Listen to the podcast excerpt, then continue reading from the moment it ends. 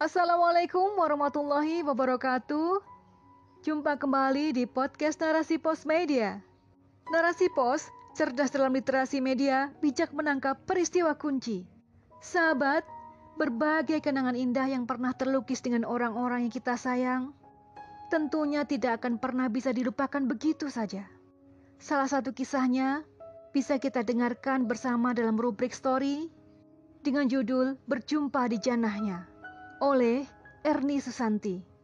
Sudah beberapa tahun ini, saya kerap diingatkan Facebook tentang mimpi-mimpi kenangan saya. Hal itu bahkan mampu memberikan semangat agar saya bisa terus mewujudkannya. Meski tak jarang, saya diingatkan pada status lebay sebelum hijrah yang membuat saya malu sendiri. Namun, kenangan yang satu ini membuat saya termenung dan membawa ingatan saya berkelana jauh. Semoga kita berjumpa di jannahnya. Amin. Kalimat yang saya baca itu kemudian membawa ingatan saya pada Sabtu malam tanggal 13 Juni 2020. Malam itu, perawat yang menangani Bapak mencoba menguatkan kami semua. Meskipun secara tersirat, ia meminta kami untuk pasrah menerima apa pun yang telah dan akan terjadi. Saya sesekali memandang wajah Bapak yang tak sadarkan diri sambil membayangkan apa yang sebenarnya terjadi. Jumat sore, saya dikabari oleh adik bahwa Bapak ditemukan pingsan di tengah sawah sendiri. Menurut pengakuan warga sekitar, siang selepas salat Jumat itu memang cukup terik. Tidak ada yang bisa memastikan apakah bapak terpeleset atau memang sedang pusing. Warga yang menemukan sudah melihat bapak bermandikan lumpur, tak sadarkan diri dan terus mengigau. Pada malam harinya, bapak harus dirujuk ke RSUD Sumedang. Saya yang baru menjenguk keesokan harinya sangat khawatir karena tahu bapak mengidap penyakit jantung.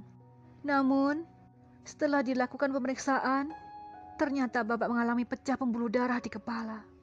Saya benar-benar tak tahu harus berbuat apa. Saya hanya berharap bapak bisa kembali ke tengah-tengah keluarga. Saya yang memiliki dua balita bergantian dengan suami untuk bisa masuk ke ruangan pasien. Akhirnya, saya harus sabar menunggu setiap kabar hanya dari rumah. Dengan cukup melihat foto atau video di tengah wabah dan memiliki dua balita, tidak memungkinkan bagi saya untuk berlama-lama di rumah sakit. Sebelum pulang ke rumah, saya menyempatkan mengecup keningnya.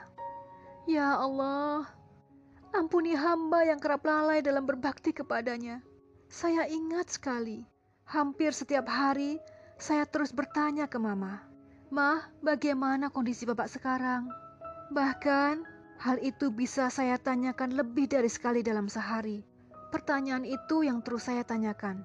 Kondisi Bapak setelah menjalani operasi tampak belum stabil. Sekitar satu bulan, Bapak harus berada di ruang ICU. Kondisinya kala itu kadang baik, kadang esoknya mengkhawatirkan kembali. Hingga pada tanggal 11 Juli 2020, saya mendapatkan kabar yang sangat membahagiakan. Saking bahagianya, hingga mama mengabari dengan voice note di WhatsApp. Karena sulit hanya diungkapkan dengan tulisan.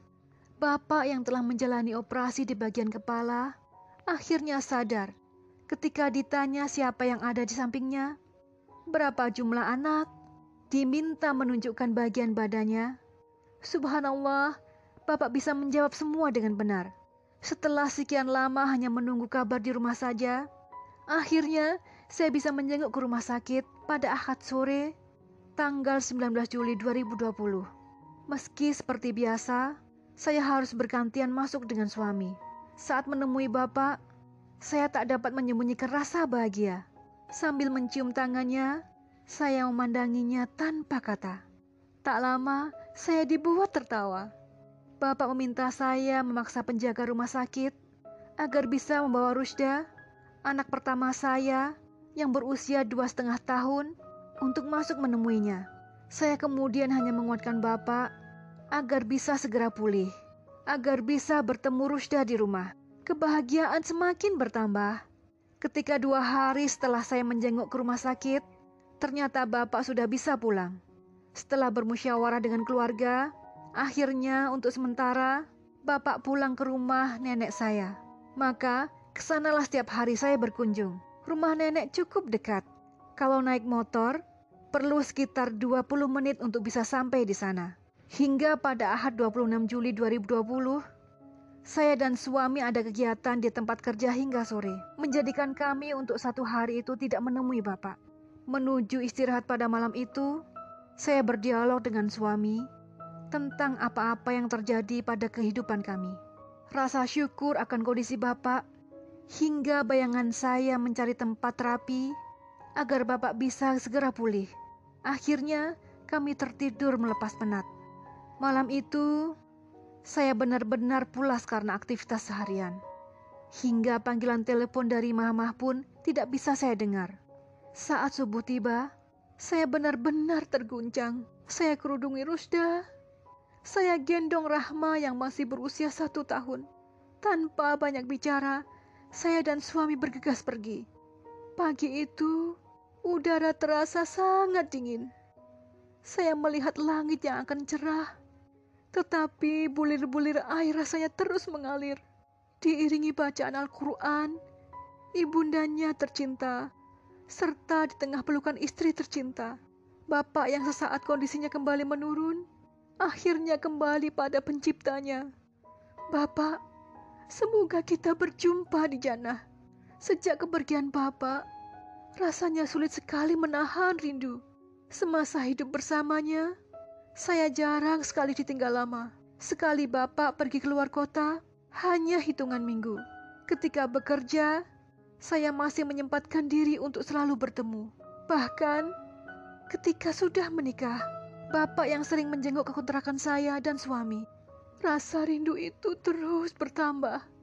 Tak mampu terobati meski bertemu dalam mimpi. Semenjak kepergian Bapak, saya semakin sadar bahwa menjaga keluarga dari api neraka itu bukan sebatas kata-kata. Namun, memang harus diupayakan sekuat tenaga agar cita-cita berkumpul kembali dengan keluarga kelak di surga benar-benar dapat terwujud nyata. Kini, setahun sudah episode-episode haru itu berlalu. Dalam hati, saya kadang masih bertanya-tanya, mengapa di usia ini saya harus mengalaminya? Sambil berurai air mata, saya baca kembali tulisan yang saya tulis tahun lalu itu. Rusda yang kerap bertanya, Abah mana? Rusda sayang, orang yang kita tunggu telah pergi lebih dulu. Abah yang suka jenguk kita hampir setiap minggu. Abah yang suka jemput kita kalau Abi sedang kerja keluar kota. Abah yang suka cubit pipi Rusda kalau berjumpa, kini tak akan ada lagi di tengah-tengah kita. Mungkin suatu saat Rusda akan lupa bagaimana Abah mengasuh Rusda dan Rahma kala mampir ke rumah kita sepulang kerja. Mungkin suatu saat Rusda akan lupa kalau Rusda pernah berlari pada laki-laki selain Abi, menyambut setiap kedatangannya dengan girang lalu dipeluknya. Mungkin Suatu saat Rusda atau kita akan lupa suara motornya yang khas yang kita dengar terparkir di depan rumah. Lalu kita kompak menyebutnya, Abah. Mungkin esok atau lusa Rusda masih akan bertanya, Abah mana Mi? Abah mana? Hari ini Umi benar-benar merasakan suatu perasaan yang tak pernah terasa sebelumnya. Berkelebatan bayang-bayang masa kecil Umi. Abah, semoga kita berjumpa di janahnya. Amin.